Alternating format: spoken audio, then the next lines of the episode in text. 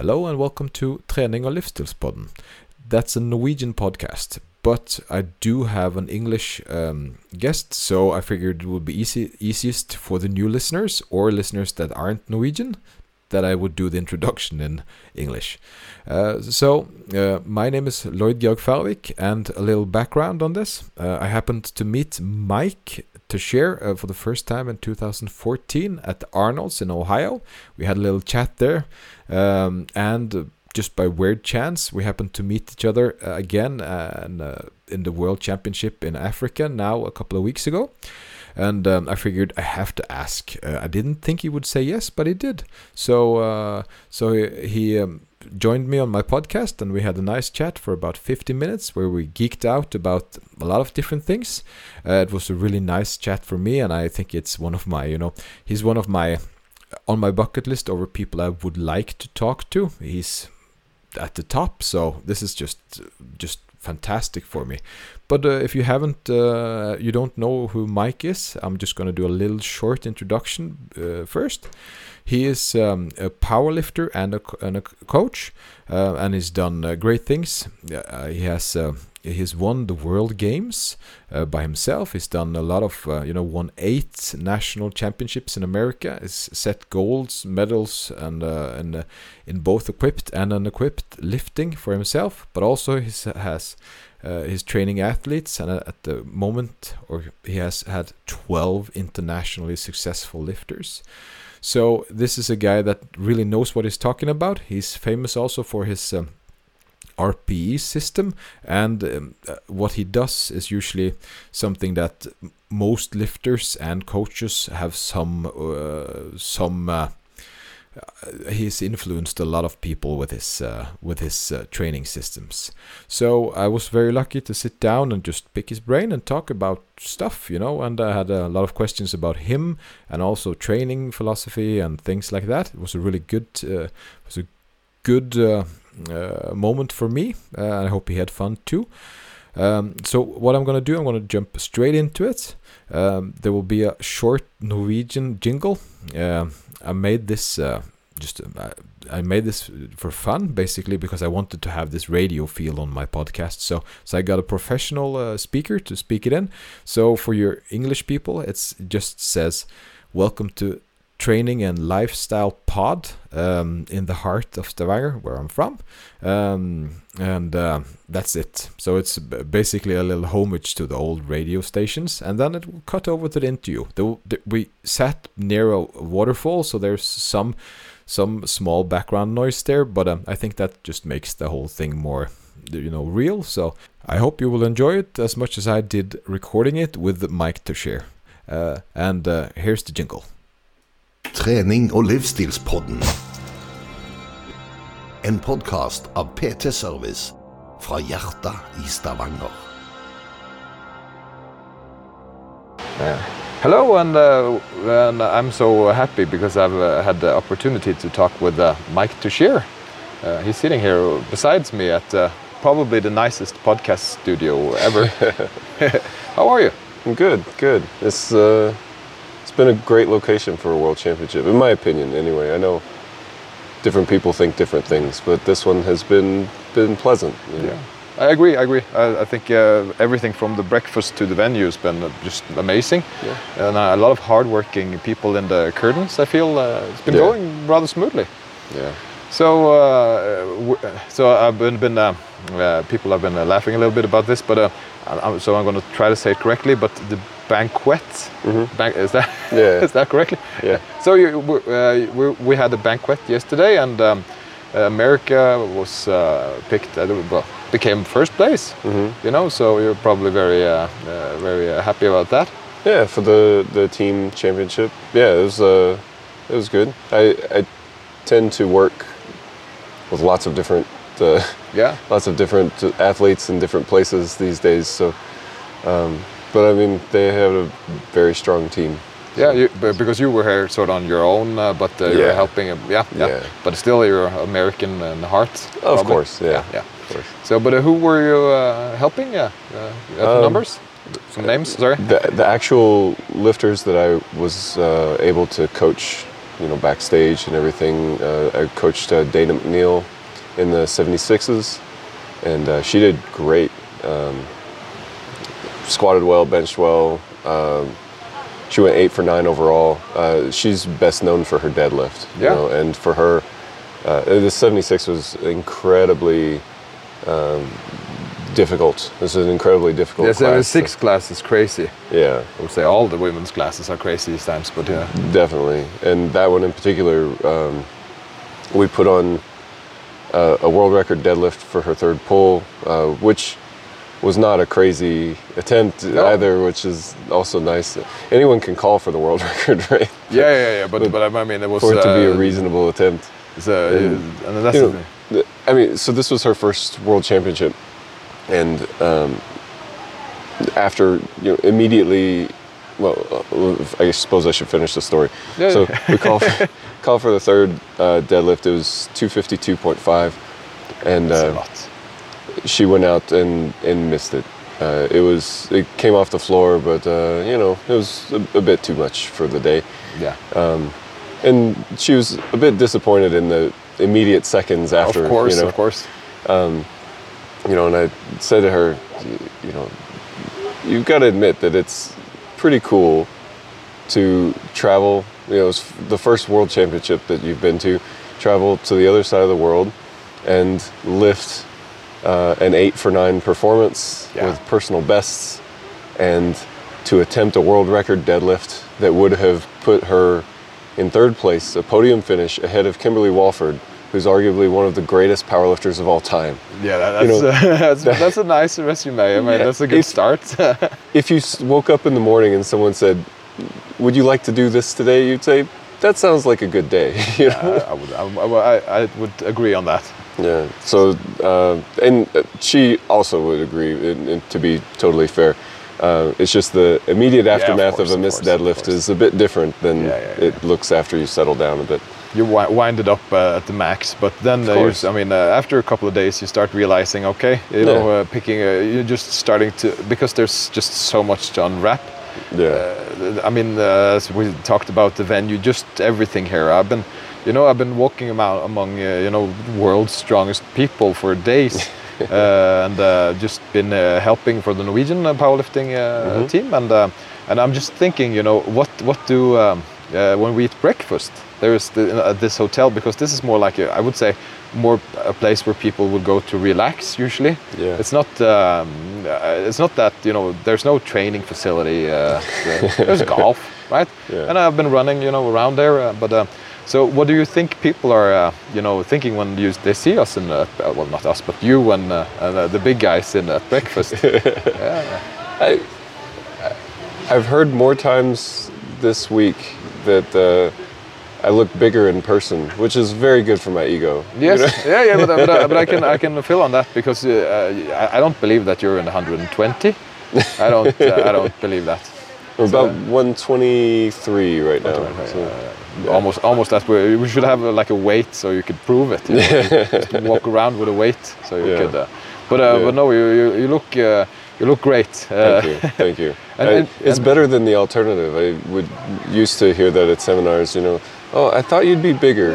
Oh, you, you, uh, that happened before. oh yeah. Oh, that's uh, well. Uh, they should just not say that. I, I, I think. I- I've learned a rule like later in life, uh, and it's you shouldn't say negative things that the other person can't fix in five minutes. That's a good one. Yeah, and I mean you can tell them that they have some, you know, there's some uh, toilet paper sticking out of their shoe. Yeah. You know? But uh, but uh, something like that, you know. Yeah. small things are better. Course. But um, so what I've been, uh, of course, checking up. You know, I've met you the first time 2014. Had a little chat with you. Uh, you don't remember that, and of course you don't. But uh, but I do, of course, uh, because uh, I knew who you were back then.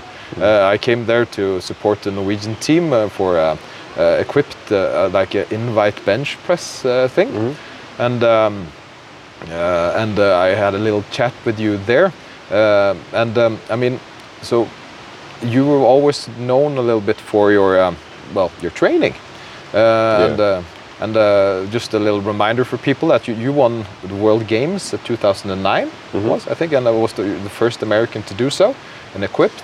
the first, it, I found out later a, a detail about this. Is uh, Yeah. the first American from uh, USA Powerlifting. Oh, there was a, a diff, uh, there was a different. Uh, Yeah, so uh, Gene Bell uh, won the World Games. Uh, he competed.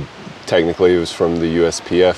oh yeah. So, okay. but uh, Uh, should be used there. But right, uh, which I don't know. These distinctions, you know, yeah, yeah. y- you get told things at the time, Yeah, but you, you won the World Games. Won the Uh, World yes, Games. uh, yeah. that- that- Yeah. no, and, um, Sorry, I don't mean to derail you. It's just no, no, uh, that's, that's wonderful. No, no, no, no. I think, but it's important because these are the details, and we should, have, uh, you know, uh, just uh, the, there's some, there's always a story behind everything. so- Yeah, So, yeah. but uh, no, that's. Uh, but um, uh, what I was uh, thinking, well, you know, is that you've been competing at, well, then you started in a, in a high uh, level. You were doing world, uh, world uh, in both equipped and unequipped, uh, and at the same time you were. Uh, training a little bit uh, i would say then unorthodox but of course we're, we, we uh, Nor- norway came from a strict german periodization kind of training so Yeah. there's no room for you know there was no room for there were three regulation. yeah yeah, yeah. So so uh, we were like mm hmm what, what, what is he doing uh, but, uh, you know uh, but uh, but uh, of course things have changed and now you know your your um, is it w- w- would it right to say company uh, the Yeah. yeah could you talk a little bit about your uh, company maybe Yeah, I um, I suppose before it was a company, it was uh, a team and uh, Oh, like yeah. you like you say, a training idea. Yeah. I was coaching uh, for my university team, and um, also, you know, coaching myself. I've always been self-coached. yeah that's what, what that's what i wanted to sort of uh, Yeah. uh, stop talking in the middle there uh, because i was uh, w- w- it's not, not not always easy to know where you're going you know but Yeah. what, what i wanted to ask you is you've been competing in a high level while coaching yourself and others Mm-hmm. Yeah. and, I, and I feel like yeah, uh, as a coach it's usually uh, if you had like yeah, if you had potential but injured yourself or Mm-hmm. you're finished you know with your own you've been doing all of it at the same time uh, how why I don't, not why of course because it's fun probably but uh, but That's a good uh, reason, yeah. how did uh, that happen Well, the, it started with the university team.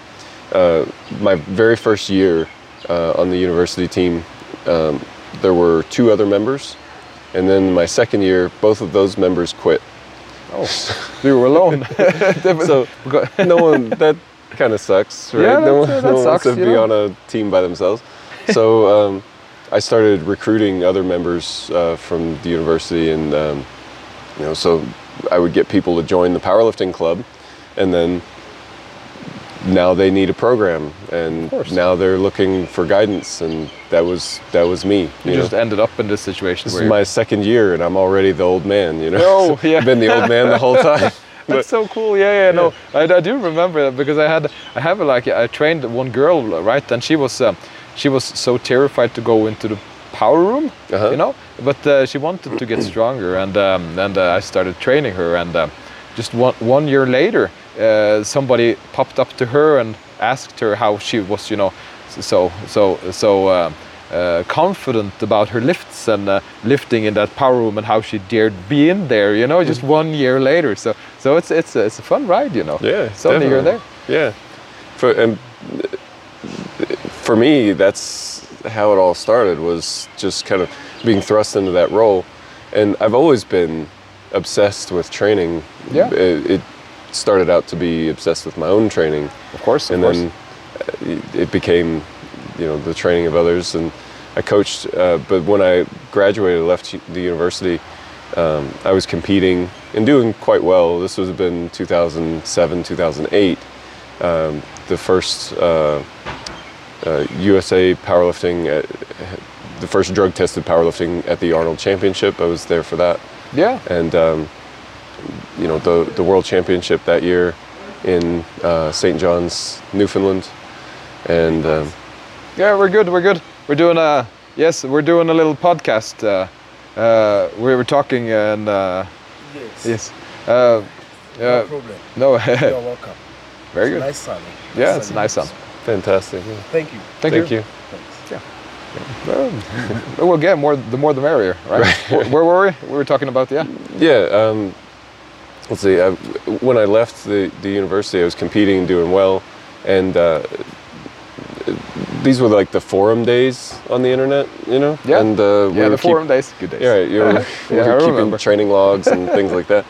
And um, I had started to write down what I learned as a coach in the university. And um, initially, I thought maybe I'll publish it as an article series. Uh, but it grew to the point where I eventually self-published it as a book. Oh yeah. And then someone sent me an email and asked if I would coach them online, and I didn't even know you could do that. No, that because it is. I mean, the the online is is basic. It's still new. You know, it's still new. Yeah. Uh, but uh, but uh, it's getting to a place where I think it's almost more common doing it online than doing it in uh, person. Yeah. So I mean, it, it was right at the beginning of that Yeah. wave too. This was 2008 when I began doing it. Two thousand. Yeah. Yeah. So That's a long time ago. Yeah, You know, yeah. for for uh, internet purposes, anyways. yeah. Well, and, I mean, in the life of a of a powerlifter these days, I think the average, uh, you know, competitive career of a powerlifter is around two years. Yeah, that that's one of my questions. So that's uh, that's good. That's good. Uh, Yeah. But uh, so so you started just training people, and then of course uh, what happens then is that, that you realize that something's missing, and you put that in there, and it just grows into this system. Well, the, system itself developed a lot when I was a when I was a cadet at the uh, in the university. Um, I I was learning a lot about training. Like I said, I've always been obsessed with my Yeah. own training, and now I have you know these uh, younger lifters that I'm in charge of, and so I'm starting to to think more about their training. And at the time as well, especially on the American powerlifting scene, um, people would talk about the the need to listen to your body. You know, Yeah. you've got to you've got to just understand how it works and know when to push it and when not to push it. So that's the auto regulation. Basically. Right. There are. Could you could you tell a little bit about? Uh, I mean, uh, uh, as I understand it, this could be wrong, but you're sort of like the godfather of RP. That's Yeah. your uh, system, uh, basically, isn't it? Yeah, I get I can take credit for that. Yeah, Yeah. yeah, so uh, for for me, as part of this, uh, it was in this time frame, right? And I was kind of uh, interested in, um, like, well, how do you this learn how to listen to your body stuff? How do you how do you do that? yeah, yeah, of course. you know and the answer i would always get back from older lifters is well you just kind of got to keep practicing and you figure it out it takes about 10 years or more and you just figure it out and i thought well that's not going to help my no, no, you can't start there. that's, right I mean, for me at the time i was around that 10 year Yeah, you're. time frame but my my other uh, teammates were not Of course. you know so how can i help them uh, so for me part a big part of it was just observing what i was learning as, through this process. You know if i kind of stopped a training session and said that's that's it for today. What was it that i was feeling? What was it that what were the key indicators that said that's the right decision and Oh, is yeah. that something i could teach to someone else? There you go. and at the time too i was obsessed with training. So uh, i was reading and came across um, came across something about uh, rate of perceived exertion uh, used in endurance sports Yeah, Borg's, I think. Yeah. Yeah. Yep. The the Borg scale. And I thought, well, that's really cool. You know, I wonder how you could apply that to powerlifting. And again, people in, in my circles had been talking about this idea of, of leaving a rep in the tank, Yeah. which is funny because um, like leaving a rep in the tank is it, it per, now it's built into our understanding of things and but at the time They're only again- max, basically. Uh, Well, yeah, I mean, it- especially on the American side. Uh, My understanding is it's, it was different in other places, but um, you know, everyone was pushing training a lot harder than they do now. You know, Yeah. for better or worse. But I thought, well, yeah, you could leave a rep in the tank, or you could do two or three. It, there's no reason it has to be just one. yeah, know? yeah. So it was kind of the the putting those two concepts together became the the RPE concept as you know most of us use it today. Yeah, I mean, I have it in my programs, and I was uh, sort of like a little bit uh, uh, hesitant. Hesi- hesitant. Uh, I think that's uh, you you Yeah. understand because, uh, of course, my uh, my background uh, learning from Dietmar Wolf. Yeah. Uh, but uh, but I see that putting that into the um, uh, my programs help uh, the lifters um, have a little bit more control over their training also, and they get more of a personal. You know, th th th it becomes more personal for them. It's just not, Yeah. not only numbers. So I think it's really good because uh, well, in running, I've been doing a lot of cardio because you know con- uh, I've struggled with injuries uh, for the last. Uh, so uh, I, I was this kind of you know low bar lifter before low bar, you know, uh, and uh, that's not a good thing. Uh, I realized because there ended up being injuries, surgeries, and all that. But uh, but my love for powerlifting is endured, and uh, so I do um, you know coach powerlifting, but I train you know triathlons, and uh, and I, I seen um, there's a way a lot of in good li- uh, good runners or th- th- th- they help hold back. Uh, new runners they want to push. You know that, that you can't get a new runner to go slow. It's not easy. I mean, and, and they have this, uh, and, uh, and it's funny because uh, you see these correlations between you know uh, the the systems of poles and uh, uh, perceived effort tracking over to strength lifting, and you see this. Uh, so so the body is. I mean, this is just the aspect of it that I find very cool. Yeah, I agree. I agree. So, so you think um, so? So understanding what you said, uh, you think that uh, well, um, that it's smart to do RPE from an early stage at the lifter's career? Yeah. I think so. Yeah. Good. It- if you have someone who's very new, you may not put as much weight on what they say, but I think it's important to practice it and important to at least be aware of how they perceive the training. you know? Yeah. So my um, the, uh, what I wonder is, um, you know, we're here at Worlds, and and uh, in '93 class there is like, um, you know, people five, six, seven people pushing 350 kilos deadlifts. Do you think it's uh, uh, bigger genetics pool, or do you think that there's a mindset that's different now, or what do you think uh, there's a reason for? Uh, I, things like that have to be multi-factor. Yeah? Yeah. So I think a larger pool of athletes, the increased popularity of powerlifting has to be a big, big part of it. You know, but I also I, I hope that the training is better now. I think Yeah. that the training that that I do, the training that I write, is better than it used to be, and so that must make a difference of course, of you know course. and i yeah. i assume that everyone is pushing those boundaries the same you know and I mean, you take a simple thing like nutrition Yeah. know, when when we were earlier in our powerlifting careers it was not so important you know No. like powerlifters just you just eat whatever Yeah, you should eat whatever. And, Yeah. uh, I mean, uh, when I started, there wasn't anything less than 100 kilo guys, you know. Uh, Yeah. That, uh, that as well and uh, people carried you know more body fat than they needed in the in the equip days the body fat was helpful Yeah, for the know? suits, uh, I think it had some uh, factors there for just eleva- uh, elevation angles and stuff. Mm-hmm. But uh, now, I mean, looking at these people, they they- they're fit. They're, it's it's Yeah. it's, It's cool. different. Yeah, it's different. It's, different.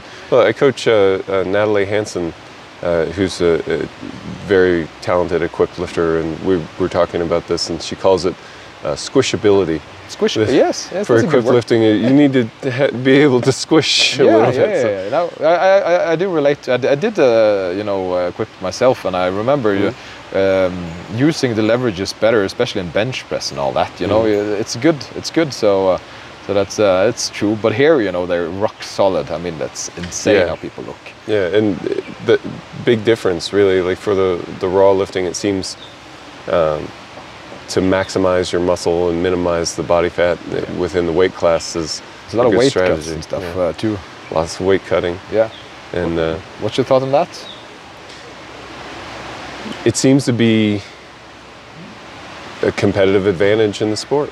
Yeah, you yeah. And with with equipped lifting, at least, it comes with a, a bigger risk Yeah, that the yeah. equipment is not going to behave the way that you because want it to. you want to be weigh exactly the same there because uh, Yeah. I mean uh, I think uh, Ch- Kjell uh, I'm not gonna Bakkelund uh, Mm-hmm. he has uh, three bench press uh, shirts on competition day Mm. uh, just because his body you know changes or he doesn't just like f- how it feels so that's that's details that's Yes. details so uh, Absolutely. of course uh, he's pretty good at that. So, so I guess Yeah. uh, he, he knows. Yeah, he's pretty good. You were saying earlier that um, um, you had um, uh, well a shorter lifespan of uh, lifters now, uh, and um, I've seen that there's a lot of. Uh, I, I feel like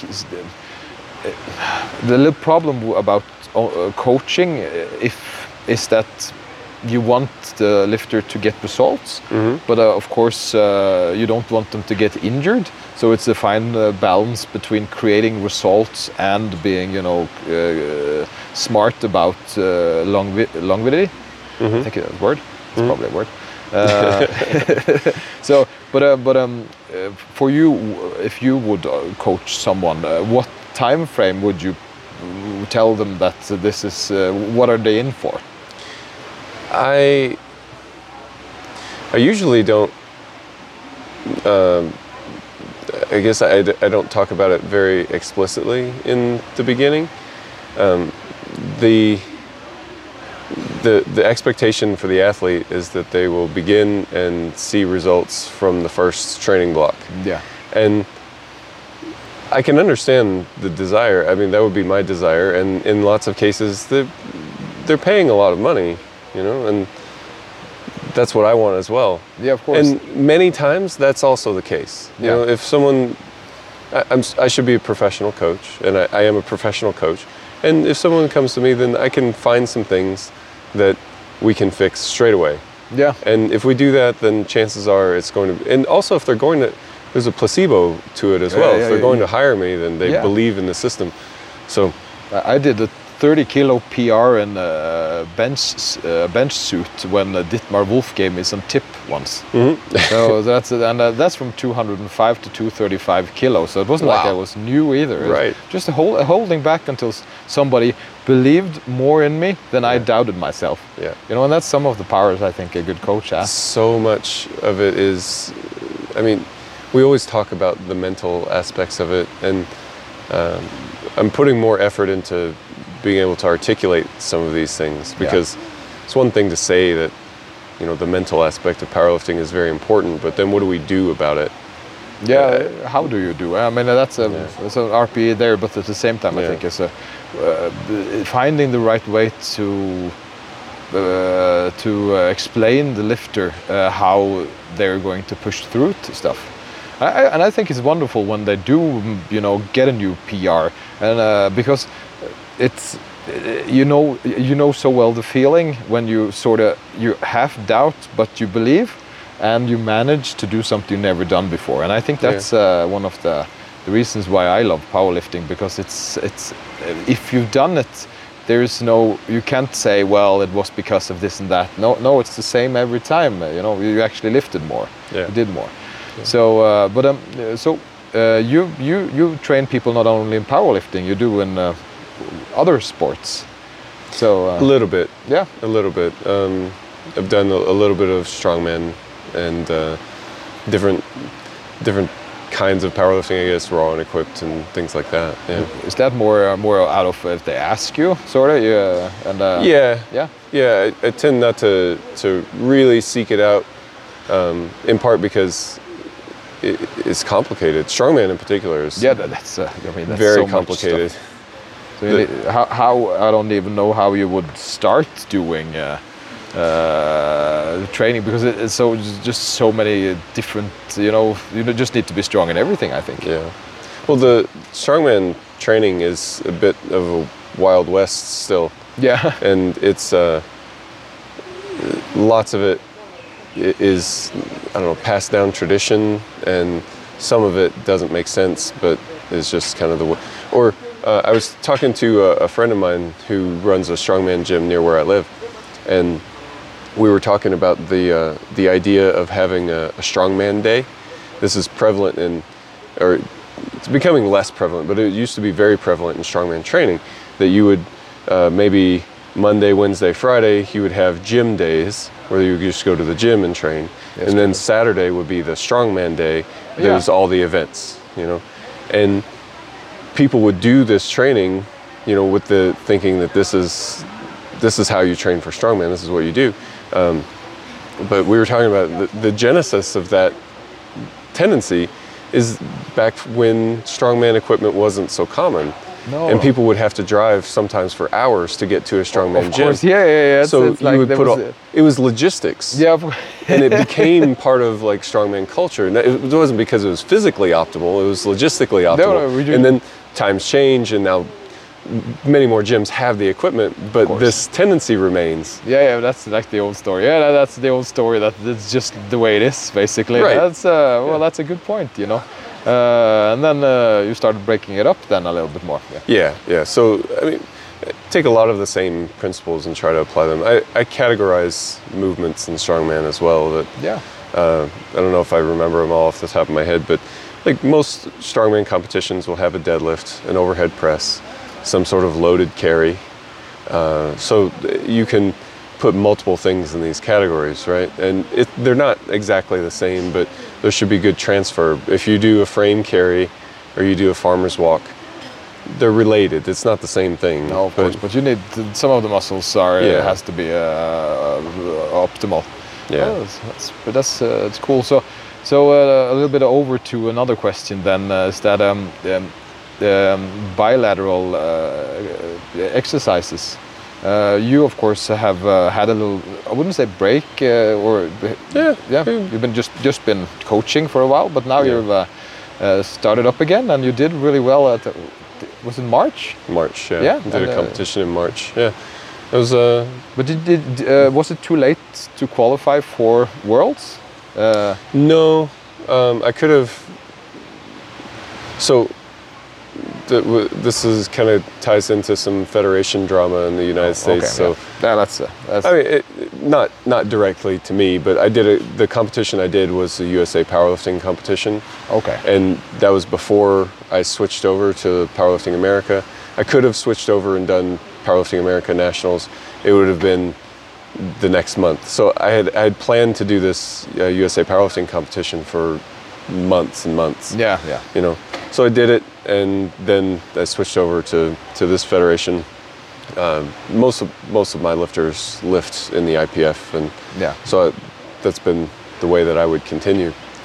So in the future, though, that I would like to do the Powerlifting American Yeah, Nationals in February. Yeah, that's awesome. I, I, th- I think uh, you know not going into that thing because uh, I always try to just, get to know you better. It's more fun. But, uh, but I'm thinking uh, people are nice, uh, and usually Yeah. when thing calms down, there's solutions. Uh, And I, I think th- things will go well, even though it could be heated for a while. But we should always try to find the best way to help the you know the future generations. So so I think uh, as I, I hope with that in mind, uh, people will just uh, it will, this will go well. Yeah. Yeah. Yeah, but uh, so so but uh, you, because you were, did some good numbers uh, and um, you, but you were struggling with some injuries before that. So Yeah. so what have you done? Uh, what uh, is it just time that have recovered you or? Uh, Time was a big part of it, yeah. I think that, and maybe the biggest part of it. Um, so my last competition was in 2016, Yeah. and um, it did not go well. no, what what uh, what uh, injuries wise or? yeah, just just lots of pain, and I could do the lifts, but they weren't very strong because I wasn't able to train them very well because I was dealing with pain, and um, so as time went on, uh, the results got worse, and Yeah. uh, that competition was very frustrating. And afterwards, I said, I'm not signing up for anything else until I get this taken care of. yeah. And it took six years. Six years, but I mean, uh, but uh, what?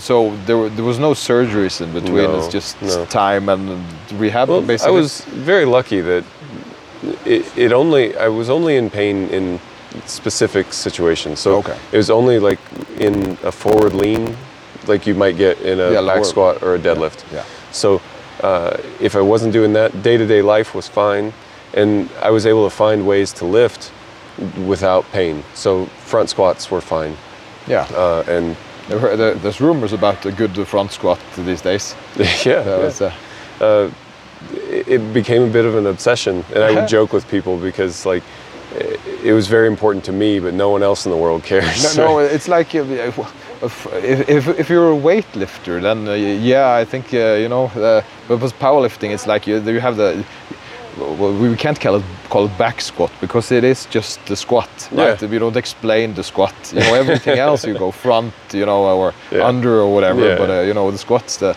holy uh, grail of all of it all. But uh, but of course, uh, was it 250? Was it? How much was it? Uh, Two, I I did 600 pounds, and I would have to redo the. yeah, it's about I think a little over 250. so think that's so, uh, that's a good. Uh, well, that's a good front squat. Uh, It is what it is. I was very happy to finally check off that milestone Yeah, that's and good- give front squats a bit of a break. yeah, yeah, no, I understand that. So, so, uh, but, uh, but I mean, um, we have this um, uh, S, uh, basically SBD, and I, I you know, I was, I was fairly, uh, fairly into my third or fourth pair of SBD uh, wraps when, uh, you know, uh, my uh, knee wraps when uh, I realized that SBD stood for squat, bench, and deadlifts, and I'm so embarrassed. Same. No, Yeah, it took so- me a, a embarrassingly long time to, like I didn't. to notice. Yeah, but do you think um, the, so? But the, do you think then that the powerlifting should be a main focus on that uh, on that those three, or should there be both bilateral or just uh, different kinds of uh, you know the small bench and stuff like that? How much? I think you have to train things that are not the squat, bench, and deadlift most of the time. Occasionally, very well, not even occasionally, very rarely, you get an athlete like Taylor Atwood who can train just squat, bench, and deadlift, continue to get better. He doesn't get hurt. He doesn't, well, I mean, uh, he does get hurt. He does feel terrible sometimes, Yeah, like all of us do. But it's not in a way that prevents him from progressing. Where you take an athlete like I was talking about Dana McNeil. Yeah. If you, she's taller than I am as a 76 woman. Oh, You huh. know, and she has extremely long legs. And if you watch her squat, it's obviously not the same as No, no, no, no, someone no. like Taylor, right? Yeah, yeah, but And you- so I think that taxes the body in a different way. Yeah. And for her to do a, a high volume series of squats is it makes a different effect. Yeah, I, I And- do. I do understand you. Yeah. So I, I think you can get around that by choosing your exercises a bit differently and and of course you have to train the squat, the bench, You have the to, yeah, deadlift. yeah. But But but but is it important? Could it be like uh, you know uh, you know uh, lunges uh, or Yeah, I think so. Yeah, so it's hypertrophy basically. That's uh, you think that's the key? I, partly, I'm gonna Yeah. move here. Yeah, we get the, there's a lot of nice sun here, Yeah. uh, which is awesome in Africa. But it's it's winter here, so it's uh, it's really odd, you know, because um, in um, when I, I came from Norway, we had 18 degrees, which was the warmest day of uh, the year. Yeah. Uh, well, basically, probably the only warm day of the year. and, uh, and you missed it. Yeah, I missed it, and then I went to Africa for eight degrees, right? Yeah. Uh, because it was early morning. But Yeah. uh, but uh, so we we have from two degrees. Uh, uh, oh, on Wednesday I was supposed to take a run before because uh, that's the biggest day for us. We had five lifters, Mm-hmm. so um, I was uh, supposed to be down at the hall at seven. So I wanted to do a run at the, you know, five in the morning. Not realizing that I'm in Africa, there's no lights here, and there was two degrees. You know, I don't know uh, Fahrenheit, but it's Yeah, you know, yeah, this it's is like close to freezing. Yeah. yeah, it's close to freezing. Yeah, and I was in shorts, so I was like, well, I'm not going to run around in just the black night in Africa. I'm not that that crazy. So, uh, but uh, but um, it's uh, it's it, it is wonderful down here, and now we got a lot of sun. So Yeah, the, the- at the the last day, it's uh, decided to change. So yeah, th- this is uh, I mean, this is a warm welcome. So, sure, So, uh, but more about hy- hypertrophy training and yeah, stuff like yeah. that. I think uh, I think there's definitely a place for those just other movements, uh, and I like to to trial lots of different movements. And we have a process that we go through, uh, block review process. Uh, it's a systematic way of reviewing the training that we do, Yeah. and seeing what's producing results, or, or at least what's correlated with results. It's a, a kind of a, a non-theoretic way of, of doing it. it. Instead of trying to say, oh, you have this muscle is weak or that muscle is small, you just train, and the things that are most effective, you do more of those. Of course, know? yeah. You see results, they can Yeah. continue to do that. the the training theory i don't want to pretend like it's not useful it is very useful it helps you make better frankly better guesses. Yeah. You know, and then you see what's producing real results, and then you go in that direction. Yeah. That's pr- that's uh, that's pretty cool. Uh, so um, the, uh, just uh, plug. Uh, probably should plug uh, your online thing then. So uh, Yeah, no- you, you're doing international basically. So you, Yeah. anybody can contact you and uh, you would uh, and you you would help them. So of course your team would, and Yeah. but your principals. So. Yeah. Uh, so, but how, how would that be if uh, if somebody are interested? There's probably some Norwegian thinking that this is a good idea. So, Well, I mean, there's lots of different ways, you know. Of course, I mean, as a as a business, you want to uh, be accessible to people at the level that they're comfortable. yeah, So, on one on one side, there's the training log online that's free, you know, so people can uh, sign up and record your training for free and and use the tools that are there to help you do this just this thing that I'm talking about. How find out what's working best for you. Um, my thing about training is that it's all about decision making, really yeah, uh, put the right weight on the bar, lift it the right number of times, and we have developed a series of tools to help people do that. Yeah. You know, so there's there's that there's uh, you know to go a step beyond that. There's a, a training lab that we've developed that helps people to coach other people as yeah. well, Yeah, you can sort of become a coach. or uh, like I mentioned before, like I'm self-coached, Yeah. and there's always a special place for me Of course. uh, for self-coached athletes. So uh, part of the training lab is you know a, a space for self-coached athletes as well. So uh, more tool more tools to understand your own training response, but also access to experts to help with idea generation.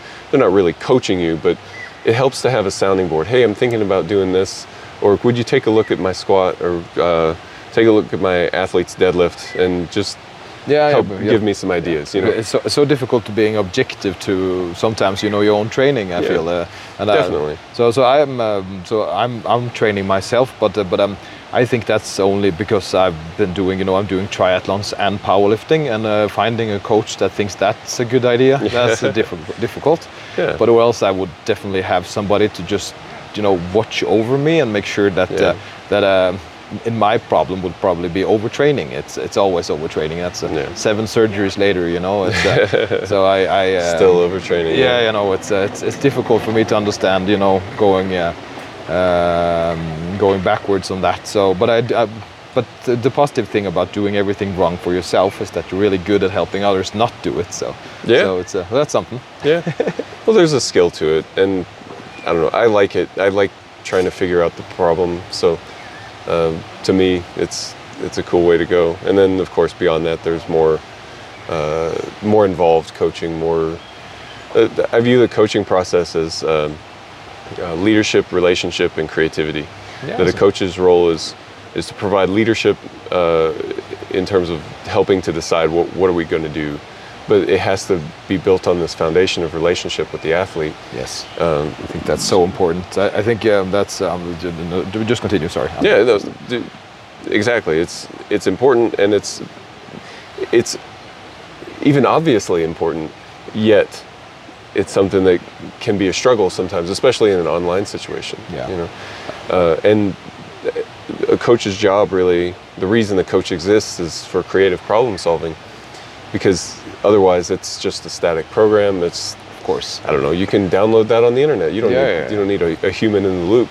No, no, Um, somebody to, to sort of, uh, Yeah. you know, uh, why and uh, and stuff like that. Well, yeah, and to say that, hey, every time that we, you know, we're, we're deadlifting uh, two times a week or three times a week, and you know your back feels terrible. Let's try to do something else. you Yeah, know? just it's a, it's a, the reason why people. That's a sort of like a pain explanation to people is that Yeah. usually when you're hurt is that because you're doing too much too soon.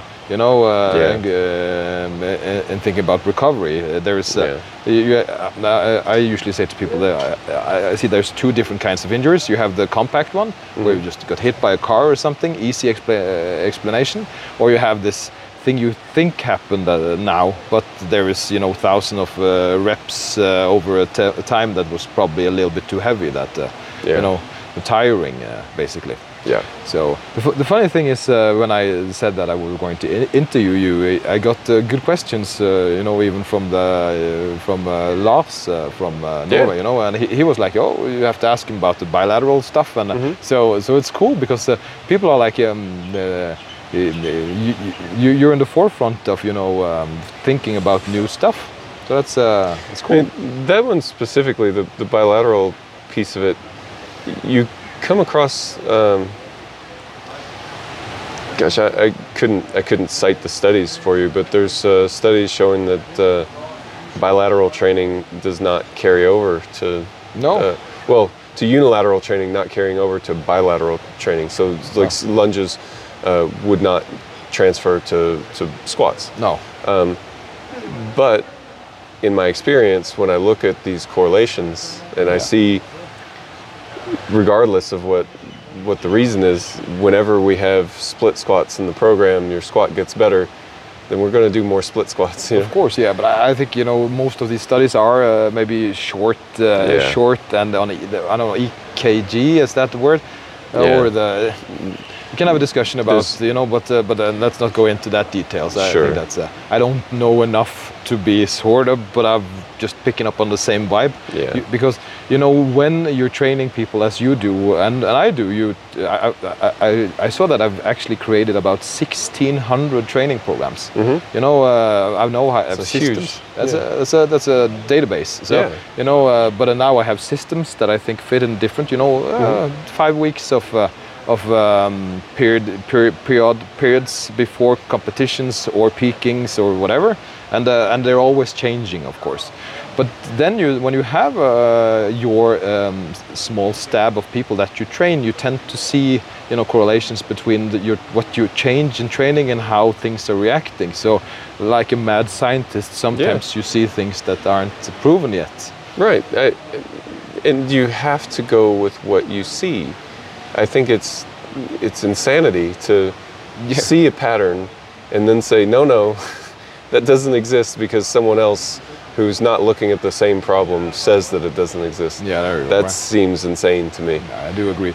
So, and I, I always tread lightly in this space because I don't want to sound like I'm anti-science. I'm not anti-science. of course not. I think the problem that we have now is this overextension of the science that we have, this uh, uh, assumption that you know the studies that we have answer all of the important It- questions. It, it's only it's, it's only science basically, and but I feel like if you put in okay, this 12 persons did this for six weeks and that happened, that's the solution. Yeah, that's that study. But I mean, uh, you train probably more than 12 people on average for longer time than six weeks, and uh, there you go. Well, and that, I mean that's one of the, the big issues. And if you read any study, they'll have a section of limitations, but those are limitations from the perspective of scientists to other scientists. Yeah. And not necessarily to a practitioner. I mean, some everyone is a little different, right? So this, this isn't all encompassing, but a big, big problem is this problem of populations. Yeah. You know, that if you look at you, you mentioned already the the uh, time time span of uh, scientific study as well, which is another huge problem. But lots of studies are, are carried out on even the ones on trained lifters are not Yeah. very trained. No, no, no. And you know, I I am working with a, a lifter who's been training for 40 years. 40 years. 40 years. That's insane. and I can't I can't imagine that that's the same thing that he's dealing with the same types of issues that you know someone who's been recreationally trained for over a year. Right? No, there okay, has to great. Be, there has to be some kind of different adaptions there. It has to be. I mean, and I, I think that's um, also the other word, adaptions. But anyways, uh, Yeah, uh, we're, we're soon. No, that's good. It's uh, but I I think uh, I don't want to take too much of your time. But so I want to, but I want to still ask you as a. Te- I Sure. Mm-hmm. always tease about that bench press thing, and, uh, and as I said, it's uh, allowed to say consistency. But do you have any uh, things that you think is uh, uh, it, first off? Is the difference between men and women and what do you think is sort of like you know the one thing that people should think about I I was discussing this with some other coaches uh, earlier this week. I don't think there's a difference that boils down to men or women, but you do see differences in terms of leverage and in terms of body size and, and overall strength. So uh, women do tend to be a bit smaller. Uh, if they take a max legal grip, it's wider relative to frame. Yeah. Uh, more women can develop big arches, um, and so shorter range of motion, and the weights are overall not not usually as heavy. You know, No. um, so kind of if you account for all those things, I think it's probably about the same. Yeah. But we noticed that uh, people with very short ranges of motion, they need to train. They need to train longer ranges of motion uh, to as as a developmental piece. Yeah. To, uh, to get more power, basically, Yeah, and then specialize. and I think the the RPE system does a good job of of adjusting the loading. I think you'll see that uh, most people with very short range of motion can get more reps with a given percentage. So, for example, the average lifter can get seven or eight reps with 80% on a given exercise. Yeah. If we're talking about a, a big arched bench press uh, with 80%, they'll probably get more than eight. It'd yeah, be that's I mean, 10, uh, 12, yeah, yeah, you know, yeah. uh, which is a lot. You Yeah, know, and- uh, I mean, yeah, it adds up. so if they train 85%, you, you, a, a- normal program, you may uh, plan 85% for two or three, uh, which should be, you know, seven or eight RPE. Yeah. But if we're talking about a, a, a bencher with a big arch, that may be more like five or six RPE. There you go. Yeah, so they should probably just go after feel more after the RPE than the reps there. Or if you're going to use percentages, that understand that that's an adjustment that should be yeah, made. Yeah, yeah. Uh, I, I think yeah, but also, uh, for example, the differences between you have a woman lifting, for example, 50, 50 kilo bench press. Sure. Uh, you know, that's 110 pounds or something, Mm-hmm. uh, compared to somebody that does. Uh, 400 you know the, the, Yeah. the training could probably be higher up on the rpe scale uh, just because there's easier to get that's my uh, thinking about it anyways Yeah, it.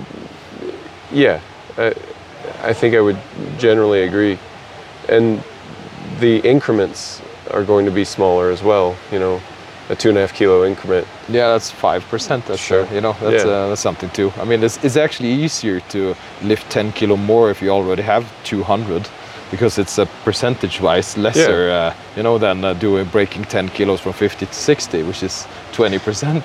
Like, uh can you imagine like a bigger, uh, a bigger lifter who only used uh, ten kilo plates and more?